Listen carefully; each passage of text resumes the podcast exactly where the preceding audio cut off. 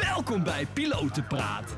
De podcast waarin de bevriende piloten Bart Buitenhuis en Jimmy Hockling jouw huiskamer in vliegen. Misschien vraag je het jezelf al af. Wat gebeurt er eigenlijk daar in die cockpit? En daarbuiten? Je hoort het in Pilotenpraat. Ja, goedenavond Bertus. Goedenavond, eh, Jimmy Beunaas. Oh god. Ja, jij begint weer weg dus, hè? Ja, waar zitten we? In het mooie Amersfoort.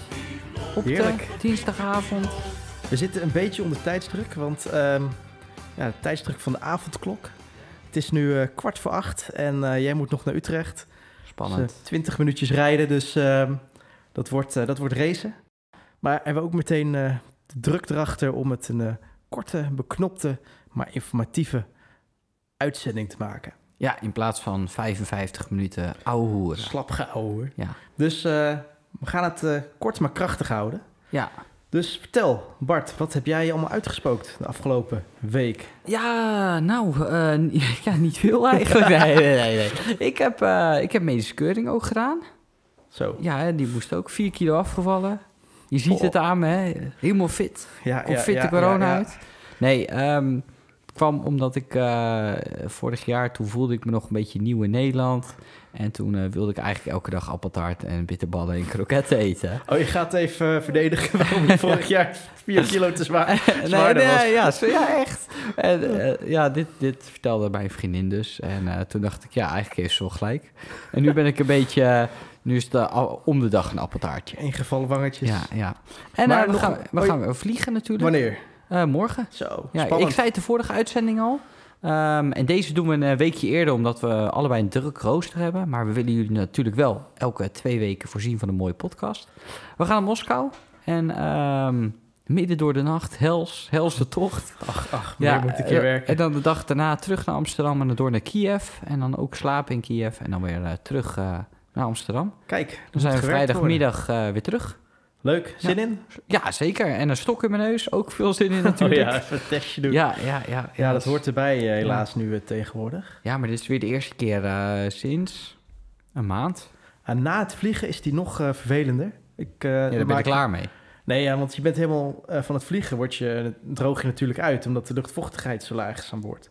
Oh. En dan, als ze dan met die stok in je neus gaan, dan, ja, traanogen. Het is ook een emotionele aangelegenheid, maar ik kom er altijd, met traanogen kom ik er, eh, kom ik er vandaan. Ja, maar jij bent ook een kleinzerig mannetje Ja, natuurlijk. emotioneel natuurlijk, dus eh, nou, Ja.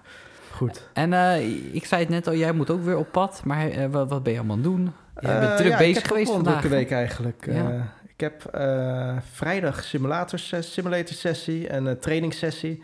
Maar daar zit altijd wel veel voorbereidingswerk in en dat, ja, verdiepingswerk. Dus nou, we zijn... Wat eh, zeg je dat netjes? Verdiepingswerk. Ja, kijk, het is niet het, dan ga je altijd wat dieper in op de stof, hè? Ja, Oeh, oké, dus eh, ja, wel veel aan het studeren deze week. En heb ik eh, de dag ervoor, dus donderdag, nog een eh, Pilot Career Day. Dat is een soort van trainingsdag, maar dan niet op het vliegen, maar op je soft skills, zeg maar. En vorige keer was dat een communicatietraining. En ehm, nu is, gaat het over eh, procedures en het toepassen daarvan. Dus eh, nou, daar zit ook weer wat voorbereiding in. Dus eh, nou, daar druk mee. En dan gaan we zaterdag naar Seoul. Via Chengdu Chengdu. in eh, China. Dan Waar door naar dat? Seoul. Waar ligt dat? In China. Ja, waar? Eh, ergens in de... ik kan het je niet met coördinaten aanwijzen. Nou, dames en heren. Oké, jammer. ergens jammer. midden China volgens mij. Is uw piloot. die weet niet waar die heen vliegt. Oké, wij gaan verder met je verhaal. Nee, dan Chengdu naar Seoul. Eh 56 uur daar. Dus dat is eh, drie dagen in Seoul, in het hotel, in quarantaine. Lekker genieten van de hotelkamer. Ja, dus de PlayStation gaat maar eh, in de koffer. Ja. De stream wordt weer opgestart. De stream wordt weer opgestart en dan drie dagen later naar huis. Maar het is wel een lange dag op zich. Het is een 17 een werkdag van 17,5 uur. Ja, welkom op Europa. Nou, alsof jullie 17,5 uur vliegen. Ja, wel bezig zijn. wel oh ja, bezig ja, zijn. ja, ja. Ja. Oh, en jij doet het één keer in de drie maanden. Ja, daarom, daarom. Dan mag het ook een lange dag zijn, toch? Maar het is een week waar ook weer wat dingen gebeurd zijn. Zo, in de man. luchtvaart, hè? Potverdikkie, hè? Eh, nou, de, zullen we beginnen met leuke nieuws? Nou, Eh, vertel. we hebben gezien dat KLM weer een nieuwe kist krijgt. Eh, we werden door een van onze luisteraars werden we op de hoogte gebracht. En eh, daarna verscheen het ook op luchtvaartnieuws. KLM krijgt weer een nieuwe 7817. De Papa Hotel Bravo Kilo Kilo. En volgens mij stond hij al een soort van klaar om overgevlogen te worden. Ja, die, volgens mij wordt hij al eh, ergens eh, komende week overgevlogen. Ja, Moet de- wel even gespoten worden in de KLM-kleuren. Ja, op de staart stond er wel KLM. Ja. Zagen op de foto. Leuk. ja, dat is omdat ze die testvluchten dan doen. En dan moet er iets, volgens mij, op die staart staan. Dat weet ik ook niet precies. Oké, dus je lult maar wat. ik lul maar weer wat. ja, oké. Maar volgens, volgens mij is dat, eh, dat het geval. Oké, oké. Maar goed, Maar, en, en, weer en- nieuw speelgoed eh, onderweg dus. Ja, ja, speelgoed voor de KLM. Ja, ja, ja. En, eh, en dit weekend eh, vielen er ook nog wat onderdelen naar beneden hè, van eh, verschillende vliegtuigen. ja dat was ook wel wat. Ja, eerst op Maastricht, volgens mij 747. Ehm nou, gebeurde iets met de motor en eh, onderdelen van de motor ehm, vlogen, vlogen in de rondte rondom Maastricht en, eh, en het vliegveld. Ja, ja, ja. Vrachtvliegtuig Ja. was dat, hè? En uiteindelijk zijn ze uitgeweken naar Luik. Eh, veilig geland, gelukkig. En ook niemand gewond. Ook niet op de grond. Nee. En volgens mij een dag later was het raak in Amerika. Ja, dan zagen we ineens die filmpjes voorbij komen van Ja. die eh, motor die in de brand stond eh, bij die 777. Ja, er was wel- niet heel veel meer over van die motor. Nee, hij Of- draaide nog wel, maar Ja. ik weet niet of hij nog wat eh, vermogen gaf. Maar dat zag er wel eh, bizar uit. Dat hoop je eigenlijk Zo. niet mee te maken. Je zou er maar naast zitten, hè? Ja, dat Zo naast het raampje en je ziet dat ding daar hangen. Maar op zich, het- Ja. je zag wel mooi dat dat vuur in die motor bleef en niet, niet op iets anders oversloeg. Dus je zag wel dat dat systeem, ook al heb je motorbrand, ja, dat werkt gewoon wel. eh Ja, Dat werkt gewoon wel. ja. Maar ook hier vielen wel flink wat onderdelen eh, eh, ervan af. Dat zag je ook. Het was een hele kale motor. Dus eigenlijk alleen de binnenkant van de motor zag je En nog. ene onderdeel lag in de achtertuin van die. En op het voetbalveld lag, lag nog een onderdeel. Ja, bizar, hè? Dat is echt, echt bizar. Je zal het En maar, ook daar gelukkig, nou ja, ook weer veilig geland. Ook helemaal niemand gewond, gelukkig maar. ja, bijzonder. Ja, Ja, op zich, ehm, dat is ook het thema van deze aflevering. ja. Eh, kan een vliegtuig vliegen op één motor? Ehm, ja, zullen we maar meteen verklappen? Ja, dat kan. Het is Ja, ook eigenlijk ja. helemaal geen... eh, het is al vaker gedemonstreerd, ja, het is ook gelukkig. helemaal geen, eh, geen issue. dat- Zo'n vliegtuig kan prima vliegen op één motor. Dus ja, dat, dat is niet het, het gevaar van die situatie. Eigenlijk zijn we, we, zijn, we zijn er allemaal heel goed voor getraind om, als er een motor uitvalt, om daarmee om te gaan. Maar eh, wat gevaarlijker was, waren al die onderdelen die eh, naar beneden kwamen storten boven de woonwijk. Ja, ik ben ook benieuwd of die onderdelen nog andere dingen van het vliegtuig hebben geraakt. Daar heb ik helemaal niks over gelezen of gehoord. Ja, dat schijnt wel redelijk eh, oké te zijn, geloof ik. Ja, het zou ook nog bijvoorbeeld hydraulische systemen kunnen raken. Ja, Ja, bijvoorbeeld. dan ben je ver van huis. Of de staart van het vliegtuig. Ja, ja dan Ja. begint het echt op een simulator sessie te lijken. Ja, ja nou ja, jij, jij eh, gaat het eh, oefenen weer, hè? Kunnen we op één motor Heerlijk, vliegen? Jij ja. laat gaat demonstreren eh, aankomende vrijdag We gaan in de zien. simulator. Ja. Maar het thema van, dit, van deze uitzending is dus... kan een vliegtuig vliegen op één motor? En we gaan het eigenlijk een beetje hebben over vliegtuigmotoren. Inderdaad. En, ja, hoe werken die? Wat is het? Is eigenlijk de sterkhouder van het vliegtuig, hè? De motor. zo, je Het hart- de, de one-liners die, eh, ja, ja, het, die komen ons weer tegemoet. ja, het hart van het vliegtuig is dat. Dus nee, ehm, ja, het hart nee, van het vliegtuig. Ja, nou ja, waar, waar zorgt de motor voor? Die voor, zorgt eigenlijk voor de voortstuwing van het vliegtuig. Ja. Maar ook voor de elektriciteit in het vliegtuig, de luchtdruk. eh, nou ja, de hydraulische systemen die werken er ook op. Eigenlijk alles wordt door zo'n motor aangedreven. Ja, en als de één motor uitvalt... Dan eh, Wordt wordt, de rest alsnog. Wat ehm, hebben we ook wel eens verteld, er zit er achterin nog een APU, een Auxiliary Power Unit. Dus dat is eigenlijk een soort hulpmotor. ja, die, wordt gebruikt voor, het- bij het motorstarten bijvoorbeeld. Maar ook in het geval dat er een motor uitvalt, dan wordt die bijgezet eh, of aangezet om eh, nou, wat, bijvoorbeeld wat elektrische systemen eh, te voorzien van elektriciteit enzovoort. Inderdaad. Dus die Dus- hebben we ook nog altijd. Ja, dus we, zitten, we zitten ruim in de motoren. Met de nee, ja, maar, maar kijk, wat wel... ehm, meestal vliegen we niet door op een E-motor natuurlijk. Eh, Nee. als het, tenzij je dicht bij je bestemming bent. Ehm, maar vaak eh, ga je dus een checklist in als er iets met die motor mis is, als het niet meer doet. En dan staat er meestal wel land at the nearest suitable airport. Wat dus eigenlijk betekent, ga naar een fatsoenlijk vliegveld waar je kan landen binnen eh, ja, eh, een, En een- ja, gewoon ja, dichtstbijzijnde dicht- goede veld. ja, inderdaad. Ga daarheen. daarheen. Ja, want het is niet de bedoeling dat je met één motor rond blijft vliegen. Je kan het wel, maar het is niet de bedoeling. Nee. Dus. En eh, dat is ook natuurlijk op, met jouw operatie. Stel het gebeurt boven de zee. Dan moet je natuurlijk wel eh, nog eh, Ja, dan is het soms... twee, drie eh, uur ja, ergens naar, een vliegveld kunnen vliegen. Ja, max drie uur inderdaad. Ja, max drie uur, dan ga je al. Dus dat, dat is nog wel even. Ja, alleen moet je, ja, je kan niet zo hoog vliegen natuurlijk. Dus je moet een stukje lager vliegen. Heeft ook weer brandstofverbruik met zich mee enzovoort. Ja, maar ja, daar heb je ook weer de brandstofplanning voor. Daarom, Maar daarom. dat is weer een ander verhaal. Ja, Bart, Hey, vertel, hoe werkt een motor? ja, we We hebben eigenlijk verschillende motoren. Ja, verschillende motoren. We hebben natuurlijk de, de oldschool, de zuigermotor. En eh, we hebben de straalmotor. Dus dat is het echte werk, hè, de straalmotor. Mhm. Natuurlijk, Vind je? is- Nou ja, nee, maar omdat wij dat vliegen. Dus de meeste commerciële vliegtuigen die hebben dus die motoren eh, onder de vleugels. De, die dus het vliegtuig eh, van, van kracht voorzien. En ehm, eh, heel veel in de burgerluchtvaart, maar ook wel wat commerciële eh, maatschappijen. Die hebben eh, van die vliegtuigen met propellers. Dus dat is eigenlijk een zuigermotor. Hoe werkt de zuigermotor? Dat eh, werkt eigenlijk met een cilinder.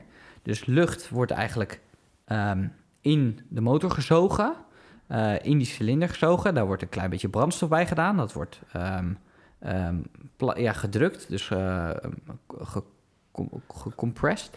Kan ik het zo zeggen? Ja, samengedrukt. Ja, samengedrukt. Eh, dan wordt het ontstoken, dus komt er een kleine ontploffing. En door die energie van die ontploffing moet die cilinder weer omhoog. Dus daardoor krijg je die op- en neergaande beweging. Dus dat zijn eigenlijk voor eh, vier onderdelen. Dus eh, inzuigen, com- eh, compressie, samendrukken, explosie en die zuiger weer omhoog laten gaan. Nou ja, door, door de, die, die beweging wordt er bijvoorbeeld een krukas aangedreven of een propeller. En daardoor kan die propeller kan dus ronddraaien. Ja, maar eigenlijk- die motor werkt eigenlijk hetzelfde als een automotor. Ehm, sommige, het, ja, het wordt, eh, deze motor vind je bijvoorbeeld op de kleine sportvliegtuigjes, de hobbyvliegtuigjes, de Cessna's. Ehm, en die zitten er eigenlijk op eh, omdat dit een relatief simpele constructie is. Eh, vergeleken met een jet engine, een straalmotor, is dit goedkoop, onderhoudsvriendelijk. En ja, soms vliegen ze zelfs op diesel. Ehm, dus ja, je vindt ze voornamelijk op de, de sportvliegtuigjes. Inderdaad. Maar je hebt ook grotere propellervliegtuigen, maar dat werkt weer anders. Hè? Dat zijn de turbopropvliegtuigen. Ja, dat zijn de turboprops, ja. En dus die, bijvoorbeeld een, eh, een, A- een ATR of een Dash 8. ja, van Bombardier of eh, vroeger de Fokker 50. Ja, bijvoorbeeld, ja. Ehm, ja, dat is dan een, eh, eigenlijk een soort kruising tussen een straalmotor en een eh, ehm, eh, propeller. Het is een propellermotor, maar een straalmotor en een, met een propeller voorop is het eigenlijk. Ja, een combinatie. Ja, straks gaan we even wat dieper in op hoe een straalmotor werkt. Maar ehm, door eh, de werking van die straalmotor wordt er met een soort van eh, gearbox, een tandwielmechanisme, ehm, de propeller weer aangedreven. Ehm, ja, waarom wordt er gekozen voor een turboprop? Is efficiënter op lagere hoogtes. Ja het, is, ja, het is een stuk efficiënter natuurlijk, want op lagere hoogte is er meer luchtdruk. Ja, En een propeller die heeft natuurlijk eh, veel lucht nodig om zich daar doorheen te, te, te slaan en te zorgen voor, ehm, voor, voor die voortstuwing van, Ja, van ja, het vliegtuig of van het ding waar die aan vast zit. En op hele hoge hoogte is het ijle lucht. ja dus daar En- werkt hij gewoon niet. Nee, daar werkt die gewoon niet. Ehm, en propellervliegtuigen eh, zijn redelijk. ehm, het, het wordt dus veel op korte afstanden gebruikt. Ja, Omdat je hoeft dan niet zo hoog te vliegen, dus eh kun je la- laag blijven. En dan is het ideaal zo'n propellervliegtuig. Tevens hebben ze dus een hele goede performance. Ehm, ja, je hebt weinig eh, baan nodig, weinig runway om eh, in take-off te gaan. Omdat zij dus gebaat zijn met die eh, luchtdichtheid. Nou, als je op de grond bent, heb je hem redelijk, heb je altijd een goede luchtdichtheid. Dus heeft hij al meteen heel veel vermogen beschikbaar. En ja, heeft hij een korte baan, korte weg nodig om van de grond los te komen. En dat is waarom die ook wordt gebruikt met bushflying bijvoorbeeld. Ehm, Ja, bushflying moet je even uitleggen. Misschien niet iedereen weet dat. Oh ja, in de eh, jungle vliegen bijvoorbeeld op eh, eh, baantjes met gras, waar je dus niet zoveel landingsbaan beschikbaar hebt. Of ook waar jij woonde op Lanzarote bij de Canarische eilanden. Tussen die eilandjes werd er gehopt met, ik denk een ATR was dat. Ja, was een ATR. Dus Binter en Canary Fly. En die hadden allebei zo'n ATR 42 en 72. Ja, ja, volgens mij ook. Ja. Ja, en, en ja, in La was ook maar 2000 meter. Op zich is dat genoeg. Maar je hebt nog kleinere veldjes daar ja, je hebt ook eh, La Gomera en El Hierro. Dat zijn echt La kleine Palma. veldjes. Ja, en, en daar is zo'n turboprop vliegtuig veel efficiënter, veel handiger om, eh, om te gebruiken. Ja, en... ehm, ja, want daar is een vluchtje maar een kwartier of zo. Of eh, Ja, nou, op zijn inderdaad. max eh 40 minuten of zo. Inderdaad. Dus ja, dat, eh, dan wordt er dus gekozen voor een eh, turboprop. En dat is eigenlijk ook, dat, dat is hele moderne techniek. Maar eh, veel mensen denken, een, ja, een propellervliegtuig is iets ouderwets. Maar eh, het is puur een commerciële afweging om te kiezen voor een turboprop vliegtuig als operator of een, een jetvliegtuig. En als je zo'n soort operate, op, operatie hebt, ja, dan kies je dus voor een turboprop. en dat is eigenlijk ook gewoon een heel modern, goed vliegtuig. Dus daar is niks mis mee. Maar het echte werk, Dat zijn de straalmotoren. nou, de, de echte werk zijn de turbofans. oh, we het echte beginnen, werk? Ja, oh. beginnen met de straalmotoren. Ja, dat is natuurlijk hoe, hoe zo'n tur- turbofan eigenlijk is de voorloper. hè, De voorloper, ja. ja, want vroeger had je onder vliegtuigen, hebben we het over de jaren 80, nou daarvoor nog eigenlijk. Ja, 70 zag je altijd van die, onder die vliegtuigen, een soort van die sigarendozen. ja inderdaad. eh, van die dunne pijpen. En dat waren de motoren. En die maakten zo'n enorme herrie en zo'n enorm hoog eh piepend geluidje. Ja, maar dat komt door de hele warme lucht die daar achteraan die motor... en hete lucht, dat maakt dus blijkbaar heel veel herrie. Ja, en dat komt dan in aanraking met Ja. die koudere lucht erachter. Ja, inderdaad. Maar eh, een straalmotor. Hoe Vertel, werkt het? Hoe werkt het? Nou, die dingen zijn ook al, eh, nou ja, zeg bijna 100 jaar oud. Zo. Toen waren ze ook al mee bezig. En toen, ehm, de eerste werkende is door Frank Whittle. Dat is wel een bekende. Volgens mij hebben we dat zelfs op de, op de luchtvaartschool... hebben we die naam wel eens eh, naar ons hoofd eh, geslingerd gekregen. En je hebt goed opgelet hoor. Ja, altijd, altijd. hey, maar eh, hoe werkt het? Eigenlijk wordt lucht dus aan de voorkant van de motor... dus nou, je moet zien een grote ronde opening... wordt lucht komt in de motor... Die komt door de, de compressor. Daardoor wordt die weer samengedrukt. naarmate die verder in de motor komt. Ja? En eh, dan is het dus een samengeperst geheel. Dat komt in de verbrandingskamer. En daar wordt het gemixt met brandstof. Ja. En dan wordt er weer een vonkje, een ignition, wordt er weer toegevoegd. Dus heb je weer een ontploffing, net zoals bij die cilindermotor. Maar nu gaat er dus niet een cilinder omhoog. Maar nu kan die lucht eigenlijk alleen achter, aan de achterkant van de motor eruit. Ja. Nou, de- die temperatuur kan wel oplopen tot 1700 graden na die explosie. Eh, dus dat is heel veel energie. En die energie moet ergens heen. Nou, dat is dus eh, bij een straalmotor aan de achterkant. En dan knalt het eigenlijk aan de achterkant eruit. En daardoor heb je die voortstuwing van het vliegtuig. Ja. Maar ook die herrie, omdat het natuurlijk zoveel energie heeft, het, eh, warmte, snelheid. En, en dat geeft die hoge pieptoon. Ehm, maar dat is eigenlijk wel de werking van een straal, straalmotor. Ja, en, En- die compressor, dat is eigenlijk een soort van eh, schroevenblad. Ja. eh, verschillende schroevenbladen achter elkaar. Waar die lucht steeds doorheen wordt ehm, Ja, eh, gemaald. ge- gemaald, zeg maar. Waardoor het steeds verder ge, gecompressed wordt. Ja, het is lastig. Ja, steeds verder samengedrukt, ja. ja. Tot het echt, ja, tot, tot er maar op een, ja, een bepaalde oppervlakte heel veel luchtmoleculen zijn. En dan is het echt een dik samengedrukt geheel. En toen kwamen ze met eh, de Maar wat, wat Oh, wel leuk is, op de vliegschool hebben ze ook geleerd, of ja, in Engeland, dat heette dan suck, squeeze, bang, blow. vertel. Ja, nou ja, dus hoe, nee, maar dat is een Ja, eigenlijk, suk. Dus je, Ja. je zuigt het, eh, de lucht naar binnen. ja, samen Squeeze, drukken. het wordt gecompressed. Bang, nou, ontploffing en en dan blow. blow, dan boem, het moet ergens heen. word je naar voren geblazen. Ja. Nou ja, dat is dan een straalmotor. En eh, nou ja, die zijn heel efficiënt op hoogte natuurlijk. Eh, want dan wordt er, is, er, is er veel lucht, kan, kan die motor in worden gezogen. En dan kan het alsnog zo'n samengedrukt geheel worden. Ja, En eh, daardoor is een straalmotor op, hoge, ehm, ehm, op, eh, op, op hoogte veel efficiënter. En Ja. je kan veel harder vliegen. Want die lucht wordt veel harder naar achter ja, ge- gedrukt eigenlijk. Dus, dus je kan meer, ja, meer snelheid opbouwen. ja dus ja, inderdaad beter op hoogte en op hoge snelheden.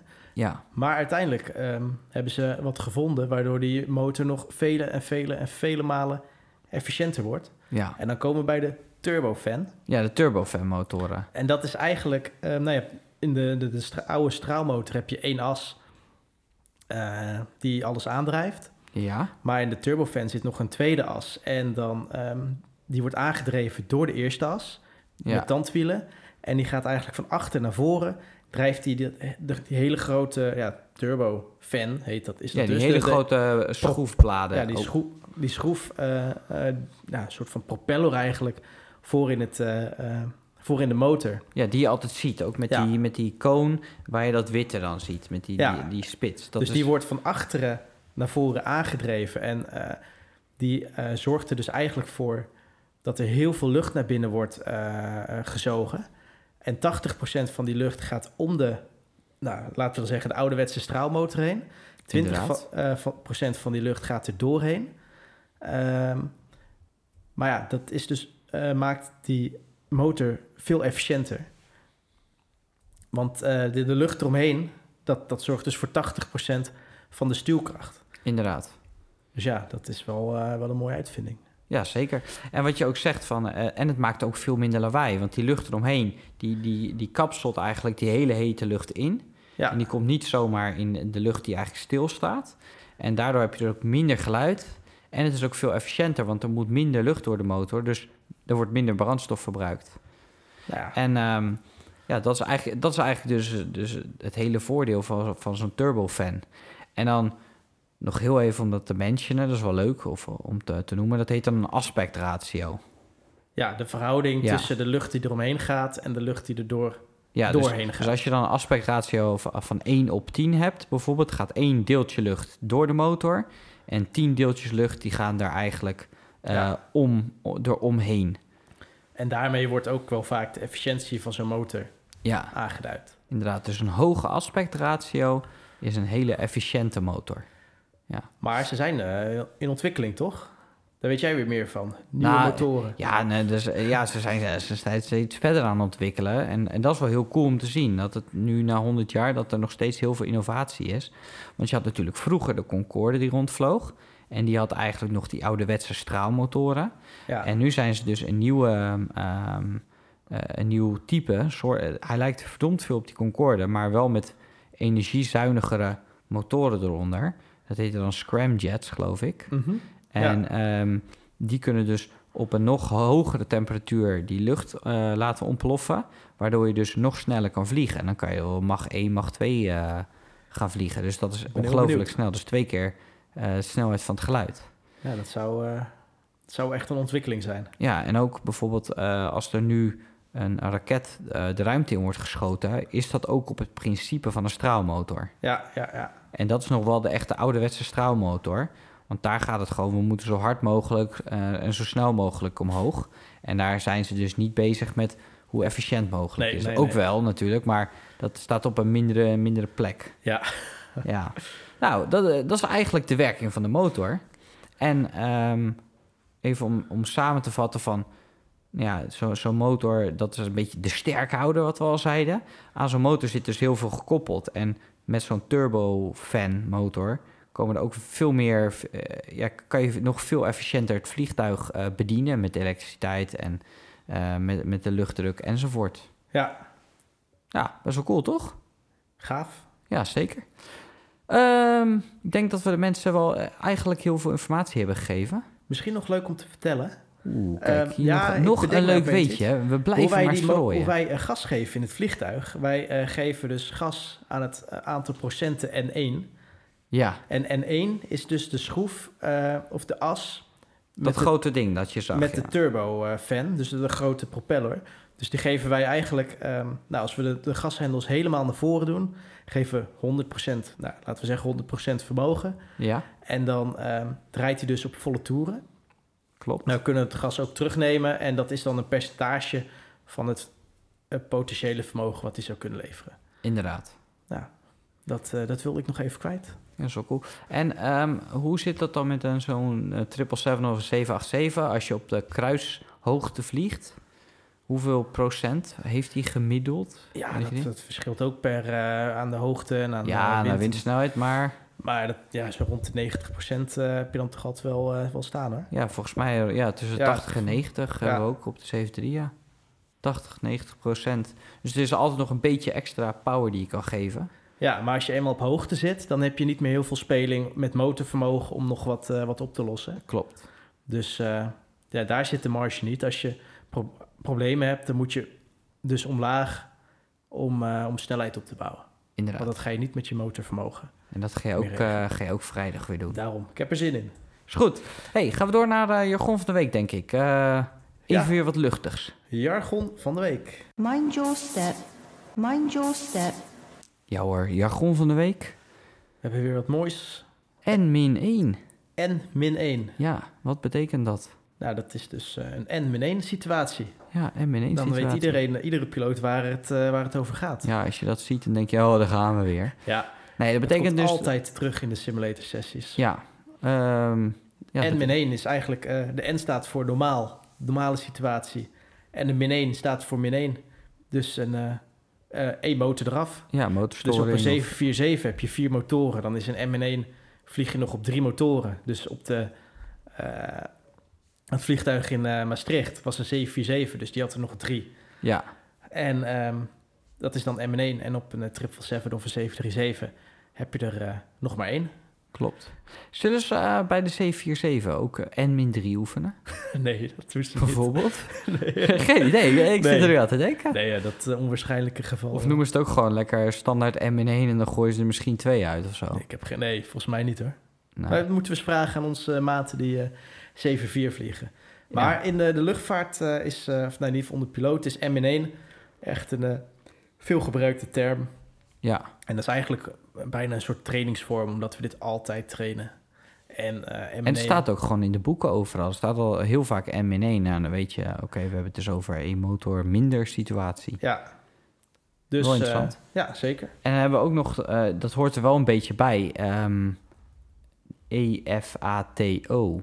Oh, de EFATO. Ja, EFATO. En dat betekent Engine Failure After Takeoff. Dus dan heb je dus na de takeoff, dus zodra je dan vaak tijdens een simulatorsessie, zodra je net opgestegen bent, nog een meter van de baan, krijg je dus ook een N-1. Dus weer eh, of een motorstoring Ja. of, eh, of ehm, ja, een motor ontploft of iets dergelijks. En dan, dan ga je een engine failure after takeoff scenario ehm, nabootsen. En dat is eigenlijk de situatie die we het meest vaak trainen, omdat dat de meest kritisch is. ja, is de Op meest het moment dat je hem net na take-off krijgt, dat is gewoon, eh, ja, dan moet je wel echt on de bal zijn. Ja, zeker. dat, en er eh, staat ook heel veel vermogen op. Er staat er heel vaak gewoon vol vermogen op. Ja, dus je kan je voorstellen inderdaad, als je op één motor aan de ene kant heel veel vermogen hebt en op de andere kant geen vermogen, Ja, dan krijg je ook plotsklaps. een, een, eh, wat zeg je? Plotsklaps. Een heet plotsklaps, oké. dat? Ja, heet dat zo? Klaps, geen plots? idee, ik ken het nee, niet, eh. Nee, ja, ik gooi er weer termen in. Ja, het plotsklaps. hele woord. Ja, plotsklaps. Maar dan krijg je een hele eh, een soort van een draaimoment. Dus ja, dan, dan, en je bent dicht bij de grond, dus je hebt niet, eh, geen hoogte om te, iets te compenseren. Dus ja, dat is een eh, situatie die eh, veel getraind wordt. Een EFATO of een M1 after take-off. Goed. Ik, denk, ja, dat is, het zijn weer mooie jargon van de week. Loop niet de cockpit in en vraag het. Kunnen we een M1 oefenen of kan je het demonstreren tijdens het vliegen? ik denk niet dat dat heel verstandig is. Maar ik denk dat iedereen daar wel heel veel over kan vertellen. Is het trouwens, ehm, is het wel eens misgegaan tijdens een simulatorsessie bij jou met zo'n M1 situatie? Of een engine failure after takeoff? Eh, nee. Ik, heb, ik heb wel een leuk voorbeeld namelijk. Ik had, eh, was volgens mij nog een jaar geleden of zo. Eh, ik zat toen, ik weet niet waarom, maar ik zat te denken, Dead Food, Dead Engine. Dat had ik toen nog op de vliegschool en ik weet niet hoe we erbij kwamen, of ik erbij. Ehm, en toen had ik Dead Food, Dead Engine. Eh, dus oké. Een soort ezelsbruggetje Ja, is dat. ja, inderdaad. Dus oké, dus ehm, de, de voet die je niet gebruikt tijdens het sturen van het vliegtuig, Maar voet is ook weer, moet je even uitleggen, denk Ja, ik dus- hoor. Ehm, de- je hebt dan de rudder, dat, die grote staart van vliegtuigen, die kunnen we bewegen. En dat doe je dus met je voeten. Ehm, en dus, nou ja, eh, that foot and engine betekent dus de, de motor die niet meer werkt, die voet gebruik je niet. Maar op de een of andere manier eh, dacht ik toen we dat kregen, dat ik die juist moest gebruiken. En ik zat een beetje dead foot and engine. En ik, ik weet niet, ik was helemaal geobsedeerd. En ik drukte echt vol de verkeerde kant van die rudder in. En toen ja, eh, slingerde het vliegtuig eigenlijk alle kanten op. En toen dacht ik wel even, en toen, eh, toen, werd ook naast me gekeken van, wat, wat is hier aan de gang? Dus ja, Als we het over beunhazen hebben, ja dan... dat is beunhaast, hè? Nee, ja. Dus, maar daar leer je weer van. En eh het was wel, was wel interessant. En toen, toen later hadden we het in de debriefing hadden ze erover. En toen zei ik, ja, ik was op de een of andere manier daarmee bezig. Maar ja, eigenlijk moet je er helemaal niet over nadenken. En op het moment dat die, het vliegtuig een moment maakt, moet Ja, je gewoon inderdaad. terugsturen. Maar Ja. in zo'n simulator sessie ben je zo gefocust. En ja, in sommige gevallen weet je ook wat er gaat komen. Klopt. En dan ga je erover nadenken. En dan in plaats van dat je reageert op de situatie, probeer je de situatie een soort van voor te zijn. Ja, Ja, dat werkt niet. dat werkt dus niet. Dus dat Nee. moet je niet doen. Inderdaad. Eh, gaan we door naar eh onzin, van de week. Good afternoon, this is your captain speaking. Ik eh stuitte vandaag op een nieuwsbericht van RTL Nieuws. Goeie, goeie nieuwszender is dat. Editie NL. Dan weet je een beetje welke kant het op gaat. Het, eh, Staat hier altijd op, toch? Eh inclusief Ja. RTL Boulevard. ja, ja, ja. Dag en nacht. Het is eh, redelijk stemmingmakerij weer. Maar dus eh, veel vliegtuigen en piloten aan de grond. Kan dat kwaad? Ja, En er wordt een beetje de indruk geschetst dat, ehm, nou ja, dat omdat eh, veel vliegtuigen nu stilstaan, dat dat dus eh, onveilige situaties met zich meebrengt. Omdat er, eh, ja, een vliegtuig moet vliegen. En als, als een auto stilstaat, gaan er dingen kapot. Als een vliegtuig stilstaat, wordt er verondersteld, gaan er ook dingen kapot. ja maar dat is anders. Hè? Want met een auto, als iemand een auto niet rijdt voor, voor drie of vier maanden, dan, zo ben ik ook. Ik, start, ik, ik ga mijn auto in, ik start hem en ik rijd hem weg, zonder daarover na te denken. Ja. En met een vliegtuig, die stallen ze dan ergens. Maar dan wordt die waarschijnlijk helemaal eh, ingepakt. Dus de motoren worden afgedekt, wielen enzovoort. En daarna eh, zijn er allemaal procedures en hele dikke handboeken... om alles weer eerst te checken... dat voordat het echt vliegtuig überhaupt eh dat is echt een gaat. enorm werk om dat weer vliegende te krijgen, inderdaad. Dus daar Ja. zitten zoveel procedures aan vast dat dat niet, nou, dat is niet echt een, heeft geen invloed op de veiligheid. Nee, dus het is, het is een beetje onzinbericht natuurlijk. Maar er werd ook nog eh, eh, eh, de situatie geschetst dat ehm, piloten niet vliegen. Nou ja, jij bent een van de piloten die weinig vliegt. Klopt. En dat we nu eh, eh, piloten aan boord hebben als, we, als het allemaal weer gaat beginnen, die dus eh, weinig skills heeft of die, die niet meer, eh, eh, die het verleerd is om te vliegen. Nou, verleren doe je het nooit, denk ik. Want het is net zoals fietsen. Je weet, je weet eenmaal de basics van het vliegen. Maar ehm, ja, ik denk wel dat, dat je natuurlijk een soort bepaalde finesse even mist. En, maar aan de hand van eh, het aantal keer dat je weer in die cockpit zit, dan, dan, dan pak je die finesse weer op. Maar daar, daar wordt tegen gestreden door heel veel maatschappijen eh, door in de simulator te gaan. Ja. Bij onze maatschappij waar wij werken gaan wij elke drie maanden de simulator in. Andere maatschappijen is per half jaar, sommige random per twee of drie maanden. En, en daar train je dus eigenlijk alle noodsituaties. Maar dan train je ook gewoon een stukje gewoon normaal vliegen. Dat je toch wel een beetje Ja. die, die feeling hebt. Dus je gaat een approach vliegen, dus een nadering. En dat doe je helemaal op de hand. Er gebruik je geen automatische piloot bij. En zo, zo krijg je toch wel weer een beetje feeling met het vliegtuig. En zo hou je toch eh, op, op een manier je, je skillset bij. Ja, dus het is wel zo als je, ja, ik merk het zelf ook, als ik vaak, als ik een tijd niet heb gevlogen, ook als ik van vakantie terugkom, Ja, dan is het allemaal iets roestiger inderdaad. Maar dat komt ook wel weer snel terug. En eh, ja, voor een, mensen die niet gevlogen hebben een tijd, die gaan eerst de simula- simulator in voor eh, ze op de lijn gestuurd worden, zoals het heet. Dus aan het, echt aan het werk worden gezet. ja en ook en als je een tijd niet hebt gevlogen als piloot zijn... dan, dan sturen ze je... eh, tuurlijk, je gaat wel op een lijnvlucht vliegen... maar dan sturen ze je met een trainer. De eerste aantal keer eh, gaat er dus een trainer met je mee. En dat is iemand die bevoegd is om eh, jou instructie te geven... en die ook heel veel kennis heeft. En ehm, heel veel ervaring. En, en jou kan, eh, kan helpen. Let nog even op dat, let nog even op dat. En, en ook heel even... of kan ingrijpen mocht het echt nodig zijn. Ja, dus conclusie, kan het kwaad dat er nu veel vliegtuigen en piloten aan de grond staan? Ehm, nee. Nee, toch? Nou ja, wel qua economie en qua ons beroep zijnde, Ja. maar, maar niet Nou, er zitten wel voor de vei- veiligheid. Er zitten wel veiligheidsrisico's aan, maar die worden wel eh, ja, tot een minimum beperkt. ja, tot een minimum beperkt. Ja. Inderdaad. Dus het is, eh, het is weer RTL Nieuws. eh, Het wordt groter gemaakt dan het is. ja, Het is echt weer zoeken naar nieuws. zoeken naar nieuws. En wij kunnen het weer over lullen eigenlijk. ja, hè. zo is het ook alweer. Dus. Dus, Hey, we hebben de laatste rubriek, de luistervragen. We hebben eigenlijk twee vragen deze keer, maar dat zijn redelijk uitgebreide vragen. Oh god. Eh, kunnen we daar gewoon eh, mee door, of niet? ja, let's go. Ja hoor, de luistervragen. Eh, we zeiden het al, twee uitgebreide vragen. We houden eerst de, de vraag van Ruud Makkinga. Die vraagt eigenlijk hoe het met de straalomkering of de, de reverse thrust, hoe, hoe werkt dat? En het zit natuurlijk hier in het thema. Ja, dat is wel een interessante vraag inderdaad met betrekking tot het thema. Reverse thrust of straalomkering, dat wordt eh, eigenlijk gebruikt met landen. Hè? Ja. Dan, ehm, misschien, ja, dan hoor je die motor soms ook een eh, bepaald eh, geluid maken of extra geluid. Ja. Eigenlijk, ja, reverse thrust, eigenlijk wordt de motor is achteruit gezet. Dit mag je ook alleen op de grond gebruiken met landen. Voor de rest is er geen situatie te bedenken waar je dat zou kunnen gebruiken. Je mag Kan ook niet, hè? Het systeem is ook gelokt, om het zo maar te ja, zeggen. precies. Maar je zou nog kunnen bedenken dat je het zou kunnen gebruiken om eh, van de gate terug te drukken. eh, in plaats van dat je door een wagentje gepusht wordt. Dat kunnen ze wel op die ATR's. Klopt. Die, Maar- hebben, die kunnen die propeller dus in een andere stand soort- zetten. En dan eh, naar achter rijden. Ja, dat klopt inderdaad. Maar op de normale straalmotoren is dat niet het geval. Maar ja, hoe werkt dat? Ehm, nou, ehm, op de, de vliegtuigen die ik gevlogen heb, en jij ook, eh het zijn Boeing vliegtuigen. Ik weet niet hoe het op Airbus werkt, maar ik denk eigenlijk hetzelfde. Eh, zit er een soort van eh, klep aan de zijkant van de motor die open gaat. Ja, dus waar al die zijlucht Ja. langs stroomt. Ja, je hebt dus het mooi eigenlijk- uitgelegd, uitgelegd inderdaad dat 80% van de lucht om de buitenkant van die motor gaat. Nou, dan komt er een soort van klep die open gaat en een soort van schot die Ja. de lucht tegenhoudt. En de, de, de lucht dus aan de zijkant van de motor onder een hoek van 45 graden ongeveer eh, naar buiten stuurt. En dan heeft hij dus geen vermogen, levert die luchtstroom dus geen vermogen meer naar achteren, maar een eh, vermogen schuin naar voren. Waardoor eh, ja, je dus een soort remmend effect krijgt.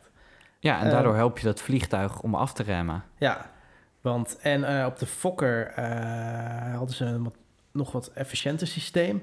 Als een soort van emmer die gewoon de hele lucht, ja, die ging, klapte dan open. Ja, en dat was Of dan dicht echt... eigenlijk. Ja, dicht, eh, ja, nee, open. Ja, Want, dan kwam er een soort van emmer achter de, de engine en die, die, die, die stopte gewoon heel de luchtstroom. eh, ja, en- inderdaad. En dat werd dan ook in een soort, ja, soort hoek naar voren eh, ja, ge- ja, dus het weerkaatste de luchtstroom naar voren Ja. in plaats van naar achteren. Maar dit was echt helemaal achteraan de motor. Dus dan had je ook dat stukje dat nog midden door de motor kwam, al die lucht. Ja, Die werd dan ook meegenomen. Dus dat was nog iets efficiënter, schijnbaar. En, En- het, eh, het werkt niet tegen harde remmen of, of, of eh, een kortere landingsbaan, maar het is eigenlijk meer om eh, de remmen te ontzien. Ja, inderdaad. En ehm, ja, daar eigenlijk voornamelijk voor. Dus ehm, Ja, om, om de remmen te helpen. ja, er, Ehm. er is ook een soort van een computer, een logica die dus berekent van oké, je hebt zoveel procent vermogen, dus dan kan ik reverse thrust vermogen. Dus dan kan ik zoveel procent minder hard remmen. Want je kan je voorstellen dat die remmen heel warm worden als je ze heel erg eh, gebruikt. En ook levensduur van die remmen Ja, de slijtage. gaat, eh, ja, slijtage is, is een ding. Dus daarom eh, zit dat erop en zo werkt dat. Ja, en die emmers, die zitten ook bij, bij heel veel privéjet hebben ze het ook. Dus Ja. die allemaal die twee kleine motoren achter hebben, zo'n Falcon, die hebben ook van die emmers. En, en hoe kunnen passagiers dat zien? Die kunnen het gewoon zien wat je zei van, je ziet zo'n motor, je ziet waarschijnlijk de voorkant van de motor ietsje naar, ja, dan gaat iets open.